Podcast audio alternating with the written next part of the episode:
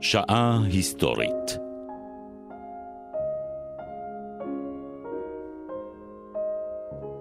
הגברת ז'רמן דה סטל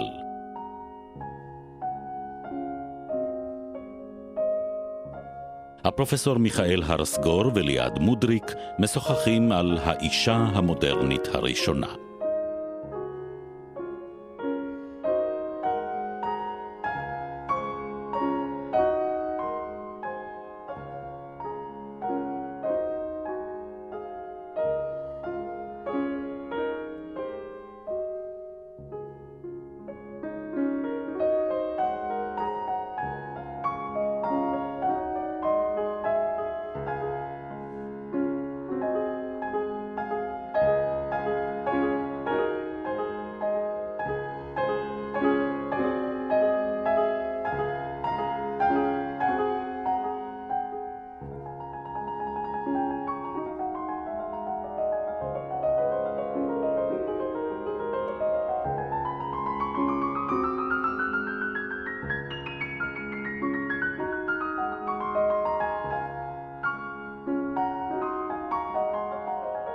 שבת שלום פרופסור. שבת שלום.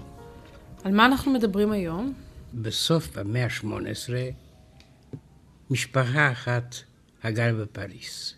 הבעל הוא שוויצרי ממוצאו, הוא ז'ק ניקר, שר הכספים של צרפת. צריך לומר, צרפת עכשיו כבר אחרי המהפכה. כן, היא רפובליקה. ב' אשתו, שהיא גם כן שוויצרית, אבל uh, משוחררת לחלוטין. היא מנהלת סלון, ואני רוצה להגיד שלא יהיה שלום עם הערבים אם לא יהיה סלון בתל אביב. מדוע? מפני שהסלונים הכינו את דעת הקהל לשינויים הגדולים של התקופה. ואם במקום להיות סלונים אנחנו עוללים, אז דרך אגב, בסלונים הספרותיים של המאה ה-18 היה מעט מאוד אוכל. הייתה רק שתייה. שתייה, אבל איזה שתייה? שוקו. שוקו ותה. טוב, שוקו ותה הם שני ממריצים מצוינים. מפני שהסלונים התאפשרו כאשר הפסיקו להשתכר, ואז ישתו קקאו ותה וקפה במקום יין. אז אתה ממליץ לנו לזנוח את uh, ההשתכרות ואת הזלילה לטובת סלונים שבהם רק שותים, ובעיקר, הכי חשוב, מדברים. זה חשוב מאוד, והאישה שאני רוצה לדבר עליה היום היא מאוד מאוד מעניינת. בתם של הזוג שתיארת. זה הבת ז'רמן סטל. מה פתאום סטל? הרי נקר זה. הקדמת את שאלתי. מפני שהייתה בעיה כשהיא הגיעה לפרקה, התחילו לדבר על הצורך להשיא אותה. אבל הם היו שוויצרים, ההורים פרוטסטנטים, ולא רצו בשום אופן שהבת תינשא לקתולית. חלילה וחס. מפני שחשבו שקתולים מושחתים, וגם מטומטמים. אבל איפה מוצאים פרוטסטנטים בצרפת באותה תקופה? זה די לא קל. אז הסתכלו מסביב, והגיעו לכתובת בלתי צפויה, שגרירות שוודיה, מפני שהשגריר השוודי היה פרוטסטנטי. בנוסף לזה הוא היה דיפלומט, ועל כן הוא היה מוגן על ידי החוקים הדיפלומטיים, וז'ק נקר, השר הכספים, לא התנגד לעובדה שבתו תינשא לשוודי אמנם היא הייתה בת 20 והוא בן 37. זה כמעט כפליים מגילה. כן, אבל היא גם כן לא התכוונה להיות נאמנה לו. ככה שהדברים הסתדרו. בנוסף לזה, אל נשכח שלז'ק נקר היה מה שנקרא ארמון בשוויצריה. אם כי כשאני הייתי בארמון הזה, ראיתי שהוא דומה יותר לבית איכרים. כן, זה לא בדיוק ארמון. כשחושבים על ארמון, מיד עולות בנו קונוטציות של ארמון, מפואר, כן, משהו מן האגדות. פה בתמונה שאתה מציג בפניי, זה נראה כמו אחוזה מרשימה, בית אה, יפה, אבל לא ארמון ואפילו... לא, אבל זה סגנון שוויצרי, כפי שאת רואה, כלומר הרבה פחות, זה לא ורסאי. לא, אבל זה רחב ידיים. כן, זה... היו לו כל מיני uh, משרתים. הגברת דסטל, שאני מדבר עליה, היא נקראת דסטל מפני שבעלה, השוודי, שמו היה סטל הולשטיין. אז היא גם נקראה גברת סטל הולשטיין, לא? כן, ללא ספק. אה, אנחנו רק מקצרים את זה בשביל... כן, אבל מה שכאן נפלא, זה היא סכסכה עם נפוליאון. וזה לא כל כך קל להיות תושבת צרפת ולהיות בסכסוך נפוליאון, אבל לצידה עמדו שני דברים. קודם כל, היא הייתה שוויצרית, שנית, היא הייתה אשתו של דיפלומט. ונהנתה מאותה חסינות שהוא נהנה כן. ממנה. ונפוליאון התפוצץ. אבל למה, למה הם הסתכסכו? מפני שהיא הייתה רפובליקאית, והיא חשבה שנפוליאון הוא עריץ. בהתחלה היא תמכה בו, גנרל של הרפובליקה, ואחרי זה, מה שקרה לאנשים רבים מאוד, התפכחה. הוא אכזב אותם. אבל לפני שנמשיך ונבין בדיוק את העימות ביניהם, נדמה לי שצריך להסביר באיזה שלב אנחנו נמצאים מבחינת השלטון הצרפתי. אמרת שצרפת היא רפובליקה, כלומר, נפוליאון עדיין לא הכתיר את עצמו אבל כקיסר. ב-1797 הוא ירצה להיות קיסר, וכולם יסכימו, והוא יהיה קיסר, ואם כי גנרלים רבים אמרו, סוף סוף הוא מקים שאנחנו שפכנו דמנו כדי להפיל. אבל לפני שהכתיר את עצמו כקיסר, הוא כבר היה השליט בפועל. כן, אבל אל תשכחי שאדם אחר, לא גברת סטל, אלא לודוויג פון בטהובן, הקדיש את הסימפוניה, ההירואיקה. לא, פתאום כאשר בטהובן שמע שהוא הכריז על עצמו לקיסר, אז הוא חתך את המעטפה ששם הייתה הקדשה, וכתב במקום לגנרל בונפרטי המנצח, לזכרו של אדם גדול. אם הוא הפך לקיסר, הוא הפסיק להיות אדם גדול. כי הוא הפסיק לשים את טובת הרפובליקה, שעד עכשיו לפחות כך זה נראה לעיני חוץ, הייתה לנגד עיניו, הוא הפסיק לשים אותה בראש סדר העדיפויות, והעמיד את עצמו, כמו שקורה לא אחת למנהיגים לצערנו. כן, ויש מקרים רבים מאוד בהיסטוריה, כפי שאת אומרת לצערנו. אבל זה גם עושה אולי את ההיסטוריה מעניינת מאוד. בזה אין ספק.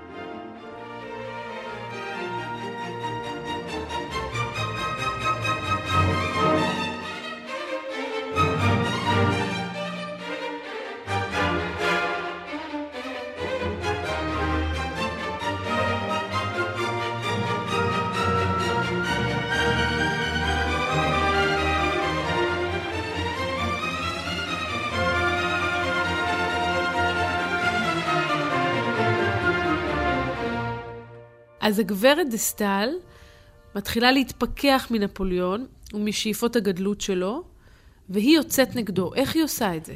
קודם כל, היא מאוד פעילה. היא הייתה בסלון של אימה. על אימה, גברת ניקר, אני רוצה להגיד שהייתה שוויצרית מאוד מאוד uh, מוסרית, אבל היה לה מאהב אנגלי. אה. כן.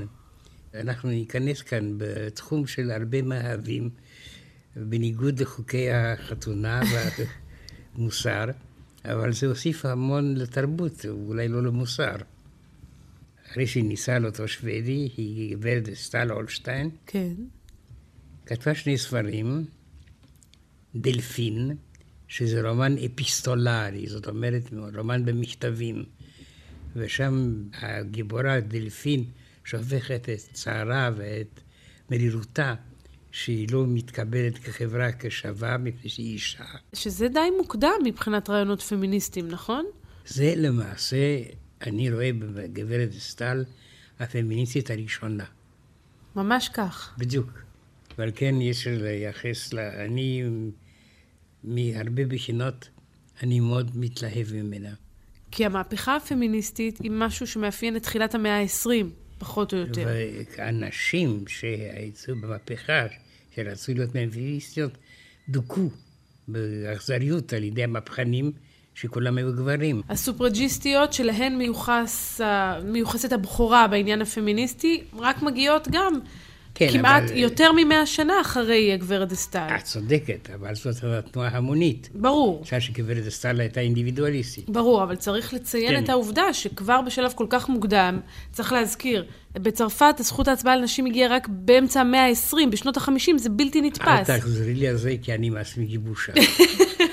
אבל דווקא במציאות הזו, העובדה שהגברת דסטל, שבה אנחנו עוסקים, כותבת ספר שמעלה על נס רעיונות פמיניסטיים כאלה, תחושה של אישה מתוסכלת שלא מצליחה לבוא לידי ביטוי בחברה הגברית שבה היא חיה, זה דבר uh, מדהים, יוצא דופן. ממש היא, מקדימה את זמנה. גברת סטל היא מעניינת מאוד מגם סיבות אחרות. תארי לעצמך שהאישה הזאת, שיש לה סלון בצואריס, כולם מדברים שם צרפתית. היא בשיא התהילה. מחליטה פתאום ללמוד גרמנית.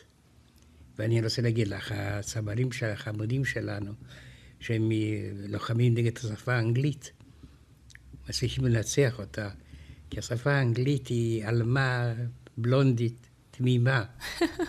לעומת זה השפה הגרמנית, אלוהים אדירים, זה סבתא משוריינת עם קסדה של פלדה, וכשגברת כאשר עמוקה בתרבות צרפת פתאום תחליט ללמוד גרמנית, כולם חשבו שהיא יצאה מדעתה.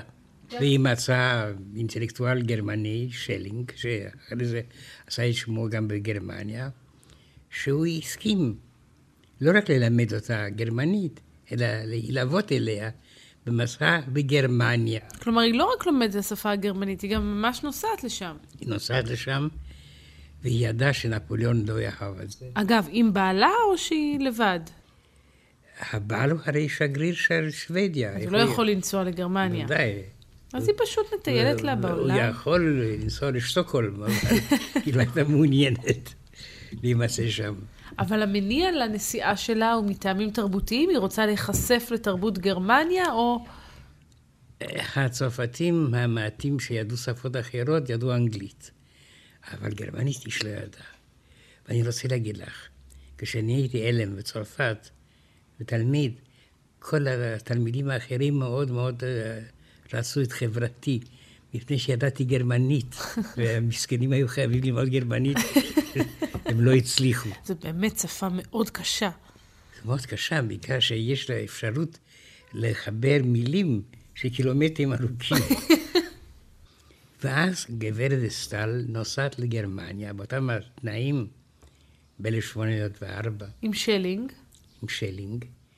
הם מגיעים לכל המרכזים התרבותיים הגרמנים, לארפורט, ואחרי זה הם עושים את הכרתו של גוטה, של שילר, הכוכבים הגדולים של השפה הגרמנית.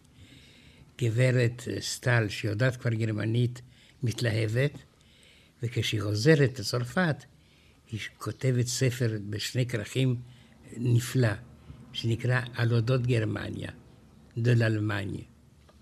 והספר מצליח מאוד, המהדורה הראשונה יש לו עשרת אלפים כרכים, נפוליאון נותן צו לא לתת לספר הזה להימכר, הוא מחרים את כל המהדורה הראשונה, עשרת אלפים כרכים, ומשמיד אותם. מדוע? כי היא כתבה, או כי היא מהללת את גרמניה, ואז הוא מרגיש שזו פגיעה בכבוד צרפת? גם זה וגם זה. הוא שנא אותה, מפני שנפוליאון לא הבין, לא חשב בכלל, שלנשים בזכויות. אמנם זה מכה איומה בשבילה, אבל אה, משום מה האנגלים השיגו את הכתב היד והדפיסו את זה בלונדון, והמבריחים הביאו את זה לצרפת מלונדון, ככה שהספר על גרמניה, אבל זה, לפי דעתי, זה פרק נפלא בתולדות האינטליגנציה ההומנית. זה גם מראה שאי אפשר לעצור את הרוח, אפשר לאסור על פרסום הספר, אבל בסופו של דבר הרעיונות מוצאים את דרכם חזרה.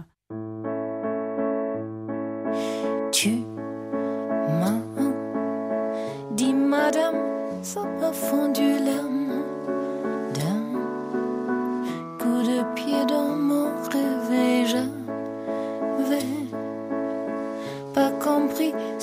une fille,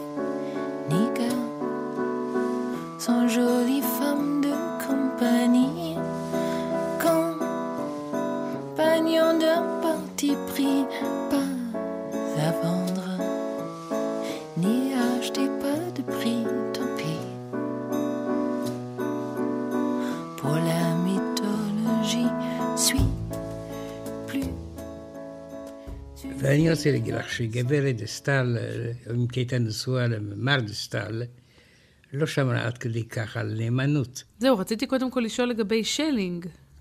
אה, שלינג אי אפשר לדעת, אבל יש מקרים אחרים שכן אפשר לדעת.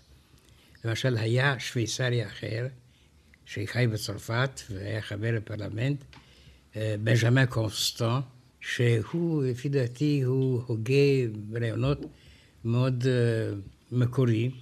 הוא מסביר למשל שאנחנו מכירים את הגיבורים של התרבות הרומית, קיקרו, כל אלה. והוא אומר, יש הבדל יסודי בין התרבות העתיקה לבין התרבות שלנו, מפני שההבדל הזה זה בכמות התושבים. ברומא הפוליטיקאים ניזונו על ידי עבדים.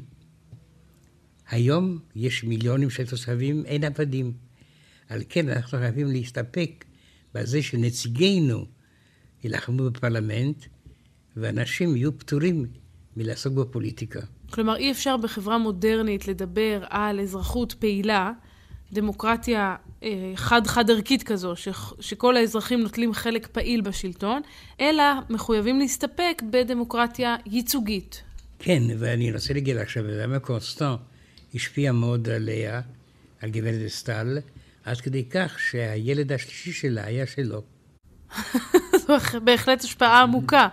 חשבתי אולי שהיא קראה לילד על שמו, אבל זה אפילו קשר יותר אה, הדוק. לא, בדיוק מה שאמרתי, וכולם קיבלו את זה, מפני שהחברה באותה תקופה הייתה מאוד מתירנית. כולם, כולל הבעל, דסטל? הבעל הסבירו לו שהוא נכנס לכל העסק הזה כדי לתת לה הגנה דיפלומטית. ויותר... אה, זה ממש היה עסקי במובן הזה? אבל הילד הראשון היה גם של בעלה. גם של בעלה. כן. אני מקווה שגם שלה, ולא שיש לך רעיונות לשותפים נוספים. ומאוד מעניין שגברת אסטל, אחרי שהגיעה לגיל 50, החליטה ליהנות גם כן מאהבה, ומצאה קצין שוויצרי צעיר, ונישאה לו. נישאה לו? כלומר, דסטל בעלה כבר מת, אני מניחה. כן, ונישאה לו, ודרך אגב, האיש הזה היה מאוד נאמן לה, זה מאוד מעניין. ההבדל בגיל היה כ-20 שנה בינה לבינו. טוב, זו כנראה הייתה אהבה. אבל אחרי שהיא מתה, הוא אהב אותה. וכמה חודשים אחרי מותה גם הוא מת משחפת. כי פשוט... לא נותרו בו כוחות. רוח החיים אה, עזב אותו. וממנו היו לה ילדים, או שבגיל 50 בעצם כבר לא, לא, מיותר זה, לשאול? בסך הכל היו שלושה ילדים, ודרך אגב, ילדים עשו קריירה, ניסו להצילים גדולים, ועד היום המשפחה קיימת. נפוליאון רדף אותה, וכל פעם הוא הודיע שאסור לה לגור ליותר מ-40 קילומטר בפריס. כלומר, הוא רצה להרחיק אותה ממוקד הכוח. הוא לא יכול אה, לאסור אותה מפני שבעלה היה דיפלומט אה, שוודי. היא נהנתה אגב מהחסינות גם אחרי מותו של הבעל? כן, מפני שהיא הייתה אלמנתו, על כן הזכויות שלו עברו עליה. אבל אה, היא השיבה לו, אם אתה, אדוני הקיסר, לא נותן לי לגור בצרפת, אני אסע באירופה. והיו, אחרי הנסיעה בגרמניה, המשיכה לנסוע, והנסיעה הגדולה האחרונה שלה הגיעה עד לפולין, מפולין הגיעה לשוודיה, משוודיה הגיעה לאנגליה. אל תשכחי שאנגליה במצב מלחמה עם צרפת. והיא התקבלה בסבר פנים יפות בהתלהבות בלונדון, והאנגלי מאוד מצטיין, לורד ביירון, בא אליה והם הקימו קשר ידידות אה, שהחזיקה מעמד. הוא העריך אותה, היא העריכה אותו, היא ידעה שהוא משורר גדול, והוא ידע שהיא אשת מעשים, הוגה, ולמעשה האישה המתקדמת הראשונה. אבל אם היא מבקרת באנגליה בזמן שאנגליה מצויה במלחמה עם צרפת, נפוליאון לא יכול להאשים אותה בבגידה? אבל היא לא צרפתייה, היא שוודית. ברור. כן, אני חושב שהיא מאוד נהנתה מן המשחק הזה. כל אירופה הייתה בוכה ותוהה איך האישה הזאת יכולה אה, להתגרות בנפוליאון הגדול, והוא חסר אונים. שזה מאוד נחמד באמת. כן, זה, לפי דעתי, פנטסטי. הוא לא ניסה, אבל אני לא יודעת מה היו השיטות שלו, אבל אנחנו יודעים שמנהיגים גדולים בהיסטוריה ניסו לפעמים גם uh, להתנקם או לנטרל את גורמי ההתנגדות אליהם בשיטות שאינן בדיוק הומניות. כן. הוא לא אבל... לא ניסה לחסל אותה, לפגוע בה. הוא לא היה מעוניין להיכנס במלחמה עם שוודיה. ועל כן הוא היה חייב לשמור את הצרה הצרורה הזאת אצלו באימפריה, ולא, וזה לפי דעתי, אני לא אומר שזה קיצר את חייו של נפוליאון, אבל זה המקרה היחידי שמישהו מתגרה בו, או מי שמתגרה בו, והוא חסר אונים. ונפוליאון היה מאוד לא פמיניסט. הוא היה מאוד מסורתי, והיה קורסיקני, ועל כן אה, הוא חשב שאישה אה, מקומה במטבח, אפילו לא בסלון. הוא לא אהב סלונים. דרך אגב, נפוליאון היה אוכל בארוחת החגיגיות ביותר לא יותר מרבע שעה או עשרים רגעים. כל האורחים נשארו ליד השולחן, הוא קם ואמר, אני אישי עבודה, שלום, והלך. איש עבודה. כן. הם נפגשו אי פעם? היה ביניהם עימות פנים אל פנים? כשהיו קבלות פנים, והשגרירים הגיעו שם, שגריר שוודי גם כן הגיע, יחד עם אשתו, שהייתה גברת דסטל. שזה ודאי היה מעמד מאוד לא נעים, לשני הצדדים. לא, היא הייתה... היא נהנתה מכל העניין, אתה אומר. כן. ידעה שהיא מוגנת. היא הסתכנה, מפני שאומנם נפוליאון שומר על השירות הדיפלומטי, ולא רוצה לעשות שעריה בינלאומית, אבל יכול להיות שגם העצבים שלו יעמדו בו. בעיקר שהוא, הקיסר הגדול, אישה אחת קטנה עומדת במולה ולועגת לו. זה משהו יוצא מן הכלל.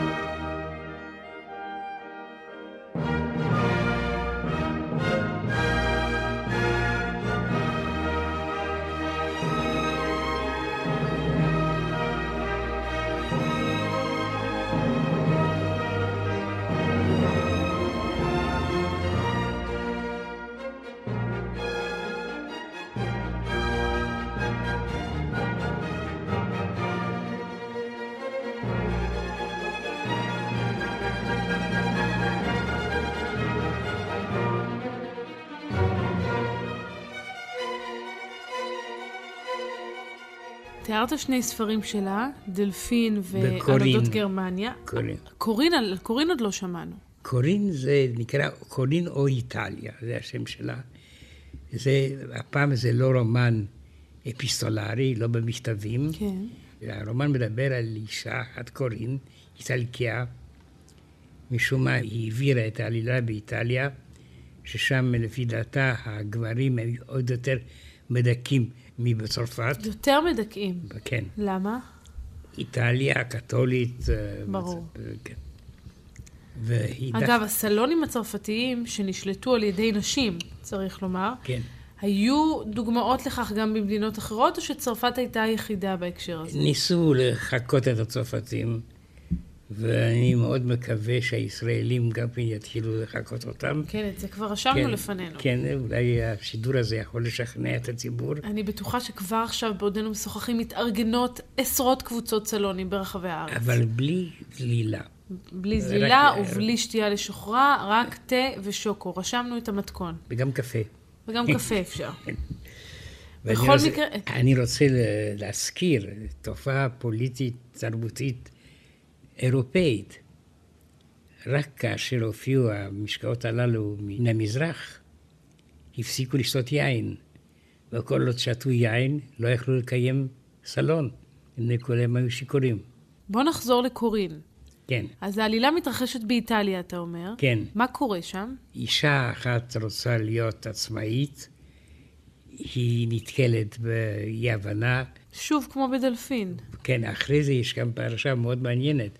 היא נוסעת לאנגליה, ופתאום אנגליה, שהייתה בידי הצרפתים הדוגמה המבריקה של מונרכיה קונסטיטוציונית, מופיעה אצל גברת סטל כמדינה קטנונית, דתית, מדכא, וזה עשה רושם מאוד גדול, מפני שהיא הרסה את האידיאל האנגלי שכל הפוליטיקאים הצרפתים אמרו, אמנם נפוליאון לא בסדר, אבל יש לנו דוגמה מעבר לתעלה האנגלית בלונדון, מונרכיה קונסטיטוציונית.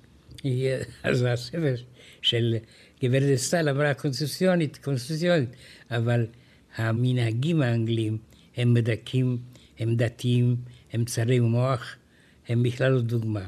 בזה, לפי דעתי, היא הרסה אידיאל מסוים, ונתנה לצרפתים אפשרות להגות בעצמם מה השיטה הטובה ביותר. אבל כשהיא מדברת על השיטות הדכאניות האנגליות, היא מתייחסת אך ורק כלפי נשים או בכלל? מה שמעניין אותה זה האישה. מאז שהייתה צעירה מאוד, היא הייתה בולעת את הסופרים שהכינו את המהפכה. והסופרים הללו לא שמו לב לאישה. כלומר, היא חיפשה פמיניזם שלא מצאה. למעשה, היא יצרה את זה. כלומר, על כן היא חשובה כל כך, מפני שהיא הבינה שבעיית האישה היא בעיה של הציוויליזציה כולה. והחברה לא יכולה להיות מאושרת אם היא לא פותרת את הבעיה הזאת. ובגלל זה נפוליאון שנא אותה, וגם אנשים אחרים שנאו אותה.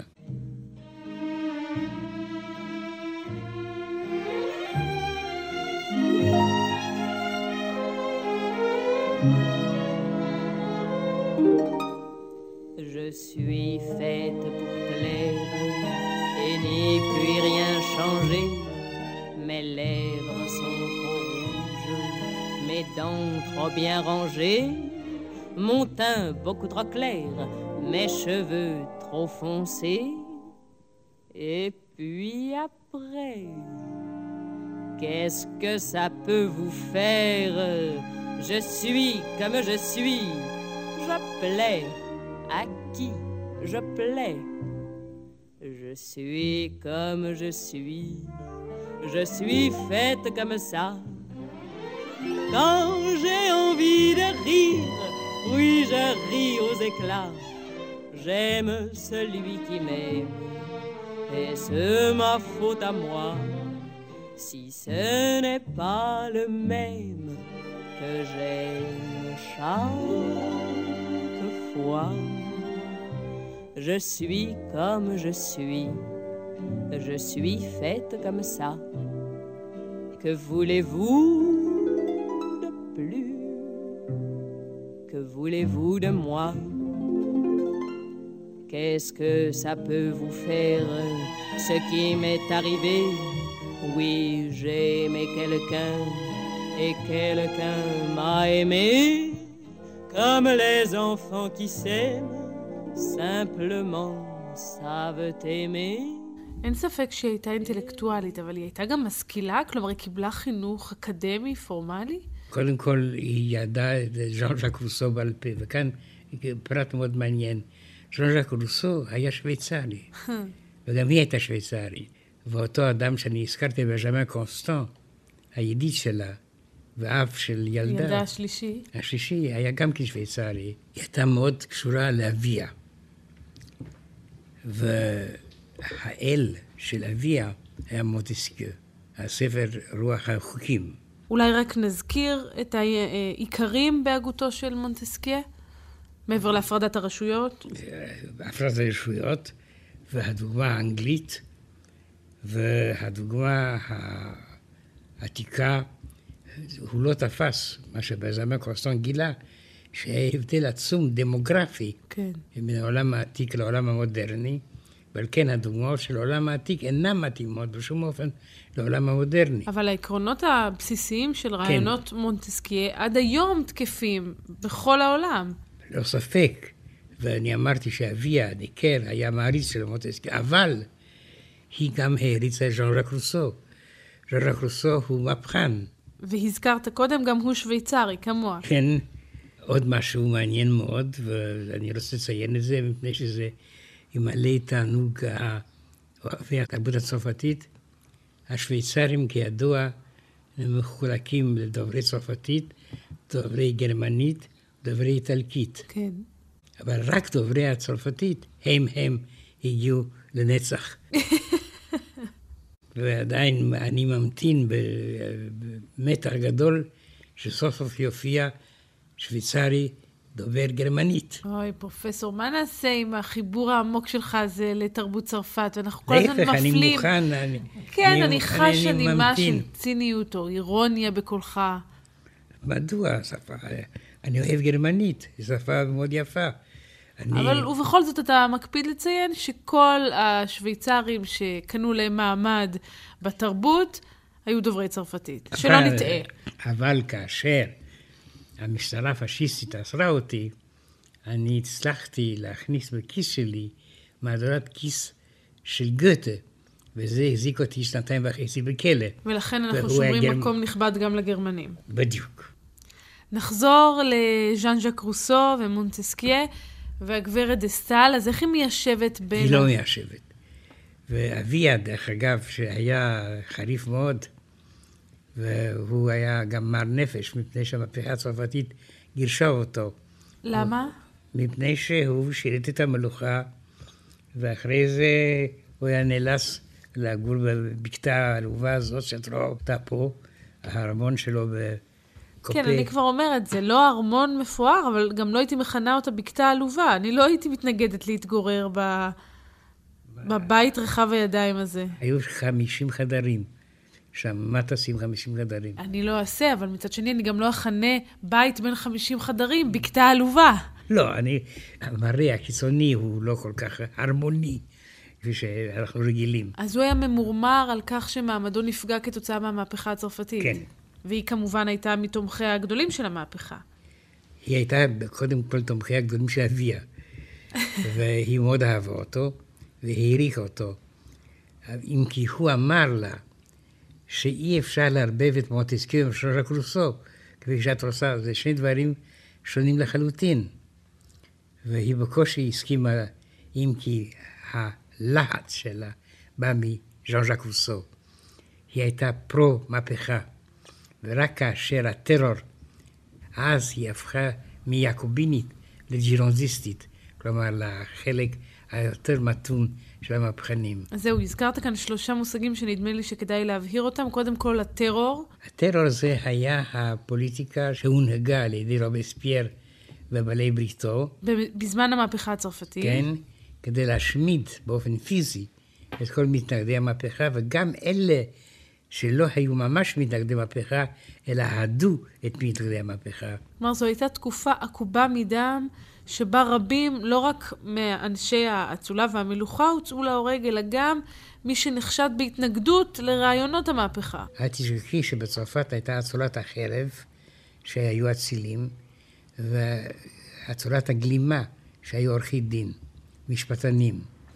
המשפטנים קיבלו את המהפכה בסבר פנים יפות, כי הם קיוו שנגיע למצב הדומה לאנגליה. כאשר הבורבונים חזרו, כלומר, לואי ה-18 ושאר העשירי, הם ניסו לבנות משהו דומה לאנגליה, אם כי הם הגזימו, למשל, הם העבירו חוק שהוציא את גברת סטל מכליה, והחוק הזה קבע שמי שפוגע בלחם הפנים הנשמר בכנסיות, דינו מוות. איש לא הוצא להורג, אבל החוק הזה היה כל כך גואלי, כל כך הוציא אותה מן הכלים, שאמרה שהחוק הזה מוריד אותנו לשפל ימי הביניים. אבל כאן אתה כבר קופץ קדימה, אנחנו תיארנו את תקופת הטרור, הטרור הגדול. כן. והזכרת עוד שני מושגים שנדמה לי שכדאי להסביר, כדי שהדברים יהיו ברורים. קודם כל, היא הייתה יעקובינית בהתחלה. היא הייתה יעקובינית, זאת אומרת, העשייה הקיצונית של המהפכה הצרפתית, הזאת שתחת רובספייר הגיעה לשלטון, אבל כאשר הגיעה לשלטון והיא פתחה בטרור המחריד הזה, שפגע בהרבה אנשים שלא היו בכלל אויבי המהפכה. אז הגברת דסטל שינתה עמדה. בדיוק, ואמרה שהז'ירונדיסטים, זאת אומרת, אלה שהיו נציגי דרום צרפת באספה המהפכנית והיו יותר מתונים, הם הם הטובים ויש ללכת בדרכם. ואפשר להגיד שהדעה הזאת של גברת דסטל השתמרה עד עצם היום הזה, שאמרו שהחלק הטוב של המהפכה הצרפתית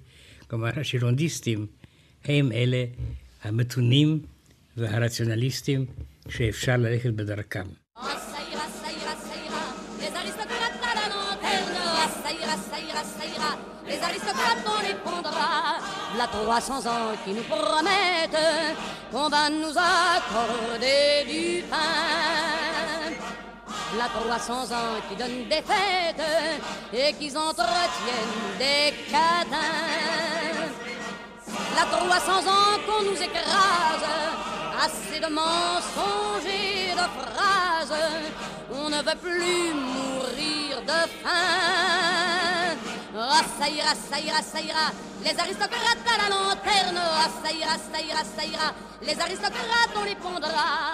La 300 ans qui font la guerre, au son des fifres et des tambours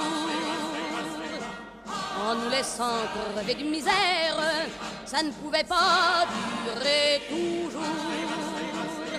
והזכרנו בתחילת השיחה את העימותים החוזרים ונשנים שלה עם נפוליאון.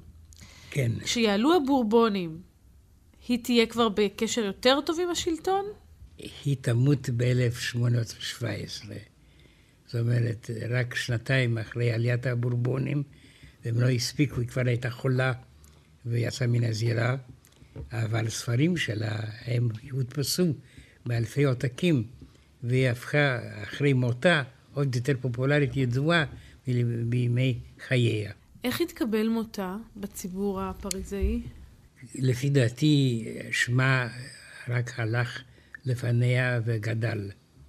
והיום רואים בה עמוד התווך של ההשכלה הצרפתית, תרגום ההשכלה לשפת המעשים. ותרגום ההשכלה לשפת הנשים. וזה היה החלק הגדול שלה. למעשה היא המציאה את האישה. היא המציאה את האישה כנושא לפוליטיקה, נושא לסוציולוגיה, נושא לוויכוח בין המינים, והיא קודם כל הפגינה בוס טוטאלי למשפטים הקדומים. החיי הפרטים היו פחות או יותר לדוגמה, כי הקתולים אמרו שזה אם לשמצה, אבל לא היה אכפת לה מה חושבים, וזה היופי שלה. הכוח העצום להאמין בה ובמעשיה, והיא אמרה, אמנם אני לא דוגמה לעולם, אבל העולם יכול ללמוד ממני. היו גם סממנים חיצוניים שבהם היא הביעה את המרד שלה במוסכמות ה... הידועות, התרבותיות של הפער בין גברים לנשים? היא הייתה לבושה כפי שחייבים להיות. היא לא הופיעה בבגדים אחרים, אבל בבית, בקופה, באותו, היא הייתה מתלבשת כמו יקרה שוויצרית, ובכלל לא כמו גברת פריזאית של הסלונים המספרתיים. כלומר, בביתה שלה היא מעשה בגינונים והגינדורים הצרפתיים. היא ראתה בגינונים הללו נשק. אני לא אתקבל בחברה אם אני לא אשחק לפי הכללים שלה. כן. אבל כן, היא גם הצליחה להלהיב אנשים. היא אמרה שהנוף היפה ביותר בעולם זה לא בשוויצריה, אם כן היא שוויצרית, אלא באותו רחוב בפריס, ששם אני מתגוררת. היא אגב ניהלה גם סלונים בעצמה? בהחלט. כמו שאימא שלה? בהחלט, בהחלט. ולהיות בסלון שלה, אתה חייב להיות מוזמן ולהתקבל על ידי אחרים. אבל מה שמעניין זה שהעיתונות הייתה מכסה את השיחות בסלונים, לא בצורה גלויה. היא לא יכלה לציין בני אדם, אבל היא יכלה להדגיש את המחשבות ואת התזות אשר העלו. וזה היה למעשה, העיתונות באותה תקופה היה בית ספר לפוליטיקה. מי צרך את העיתונות של אותה תקופה? כמה זה היה רחב? כלומר, כמה פשוטי העם נחשפו גם לעיתונות הזו, או שזה היה משהו שנגע בעיקר לאינטלקטואלים? זה נכון שהמוני העם לא ידעו לקרוא, אבל אה, עם המהפכה, אל תשכחי שהמהפכה היא-היא זאת אשר קבעה את החינוך החובה מגיל שבע. ככה שבימי גברת סטל, חלק של העם שידע לקרוא התחיל לגדול, ועל כן הציבור שלה הפך ותפח במשך חייה, ובעיקר אחרי מותה. היא הפכה להיות גיבורה של מיליוני אנשים. מה לגבי ילדיה? אמרת קודם שהם התחתנו והקימו בעצמם משפחות אה, לתפארת. הם המשיכו אבל את דרכה האינטלקטואלית? לא, לא, הם נהנו מן המעמד שהקנתה להם, וחייהם הרגילים. אבל הצל שלה האיר על כל הדור הזה, ועד היום אנחנו רואים בה הלוחמת הראשונה למעשה, האישה המודרנית הראשונה. אחריה היו ממשיכות דרך... כן, אבל... אבל באותה תקופה או שהיה לא, פער? לא, לא. היה פער של מאה שנה, עד שהופיעו באנגליה הסופרג'יסטית, ובאה תנועה המונית לשוויון הזכויות של האישה. איך אתה מסביר את הפער הזה? פשוט הפחד. היא הייתה נועזת מדי, והיא, גם החיים שלה, אי אפשר לציין הייתה דוגמה של מוסר. ועל כן היא הייתה גם מפלצת. מפלצת? נפלצת, שהקתולים, הכמרים, נפנפו בה. אתם רוצים להיות כמו גברת סטל הארורה הזאת, שהיום בגיהינום? תיזהרו. לא היו כאלה שניסו אבל לחסום את דרכה באופן אקטיבי? היא, היא בסך הכל מאיימת על סדרי החברה הנהוגים. אתה אומר, הקתולים הפכו אותה לדמות ידועה לשמצה. עוד איך? לא היו ניסיונות אקטיביים לפגוע בה, להתנכל לה? לא, הייתה שוודית. זה, זה בסדר, זה כן. מקנה לה חסינות פוליטית, אה, חסינות מדינית, אי אפשר להכניס אותה לבית הכלא. או לפגוע בחייה, אבל בציבור לא היו כאלה שראו לא בה היו- את שורש כל הרע? לא היו טרוריסטים. כי מפני שהיא הייתה גם מאוד פופולרית. ראו בה לוחמת אה, בה"א הידיעה לזכויות האישה, וגם, לא רק לאישה, גם בכלל לדמוקרטיה.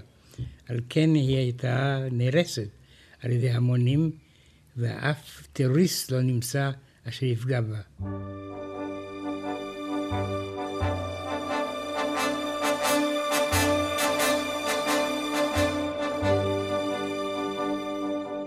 Non, rien de rien.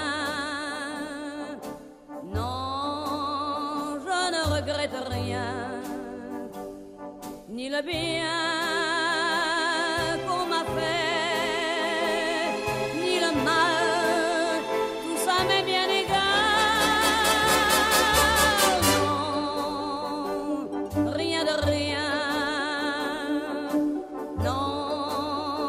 Je ne regrette rien. C'est payé, balayé, oublié. Je me fous du passé avec mes souvenirs. J'ai allumé le feu, mes chagrins, mes plaisirs. Je n'ai plus besoin de balayer les amours avec leur trémolo, balayer pour toujours. Je repars à zéro. אני רוצה להגיד לך שדבר מעניין מאוד, שהמדינה ששם היא הייתה מאוד פופולרית הייתה רוסיה. רוסיה. מפני שהיא הייתה עד כדי כך מפגרת. רוסיה. רוסיה, לא, כן. לא גברת אסטל. לא, לא, גסל. שגברת אסטל הופיעה בייצור לא מן העולם הזה. רגע, היא הגיעה גם לרוסיה? בנסיעתה האחרונה, כשנפוליאון באמת התחיל לאסור לרדת עליה, לחייה. כן, היא יצאה את הנסיעה הגדולה האחרונה שלה מגרמניה לפולין, רוסיה, שוודיה, אנגליה. ואז אה, ברוסיה, סוף סוף כל האצילים הרוסים ידעו צרפתית. הם קיבלו אותה בסבר פנים יפות, הם לא הבינו עד כדי כך היא מתנגדת למה שקורה ברוסיה, העריצו אותה, והיא הייתה למעשה החלוצה הראשונה של הפמיניזם הרוסי.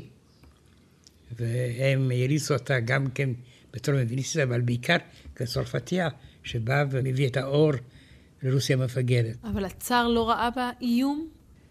השר לא, לא אכפת היה לו. היא, אל תשכחי שהיא הייתה כל הזמן מוגנת על ידי החסינות הדיפלומטית, כך שהשר לא יכול לגעת בה, אה, לפגוע מפני שהיא... לא, לא לפגוע, אבל אולי לאסור את כניסתה לרוסיה, כדי שלא תחדיר את הרעיונות המהפכניים גם... אבל אז שהיא נכנסה לרוסיה וסובבה ברוסיה, השר בקושי שמע על החדשות הללו, כי הדואר לא היה כל כך מעודכן באותה תקופה.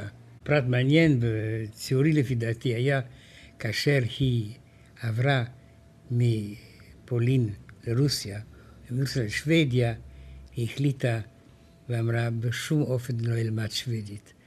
היה די קשה ללמוד גרמנית, וזה מספיק לי.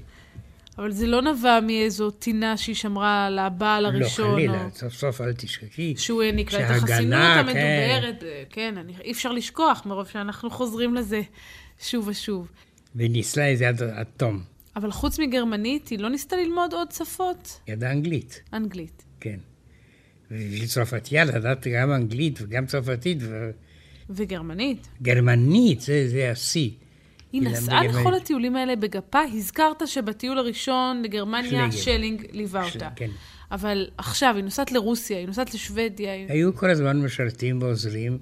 היה אותו קצין שוויצרי, צעיר, שהוא יהיה בעלה האחרון, והוא ליווה אותה, והיא נהנתה מחברתו. וילדיה לא התלוו אליה? לא, הם נשארו בפריז, זה אחת שמירה של אה, מחנכים, מחנכות, כסף היה לה סוף סוף. אל תשכחי שאביה היה מיליונר. אני לא אומר ששר כספים הופך מיליונר מהיותו שר כספים, אבל במקרה... במקרה הזה זה מה שהיה. במקרה היה, כן. אבל הוא לא נחשד. לא ב- נחשד אף פעם, לא. ממש בסוף התוכנית סיכמנו את פועלה של הגברת דסטל.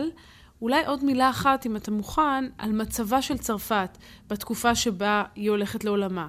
שושלת בורבון תופסת בחזרה את השלטון, לזמן קצר. ב-1830 היא טופל על ידי אגף צעיר של המשפחה, בית אורליאן, אשר תחזיק מעמד רק עד 1848, שתפרוץ המהפכה השנייה, אשר תיחנק על ידי נפוליאון השלישי, שקודם כל הוא ייבחר כנשיא, באותו נשיא הוא עשה בדיוק מה שהדוד שלו עשה. מנשיא הוא הפך לקיסר, כן. ולמעשה, כפי שנפוליאון הראשון נגמר בקטסטרופה ובמפלה צבאית, נפוליאון השלישי יעשה אותו דבר.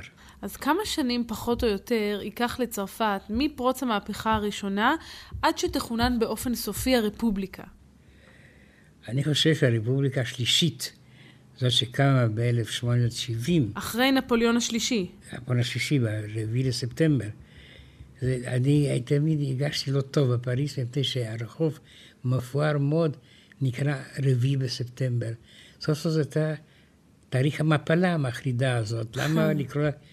כי הצרפתים העריכו פחות את המפלה ויותר את הרפובליקה, ועל כן נתנו לרחוב הזה שם שהוא כל כך דו-משמעי. אז זה תהליך שלקח משהו כמו 80 שנה. כן, היסטוריה מתקדמת לאט, אבל בסופו של דבר היא מגיעה לאנשהו. ואני מקווה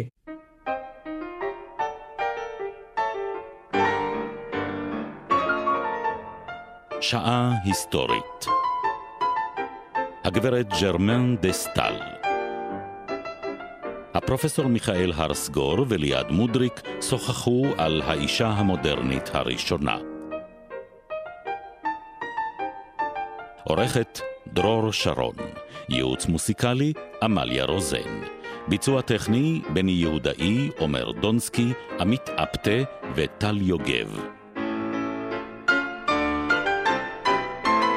בתוכנית הושמעו קטעים מוסיקליים מאת לודוויג ון בטהובן, פרדריק שופן ואריק סאטי, וכן שירים בביצוע אדית פיאף, ז'וליאט גרקו וג'יין בירקין.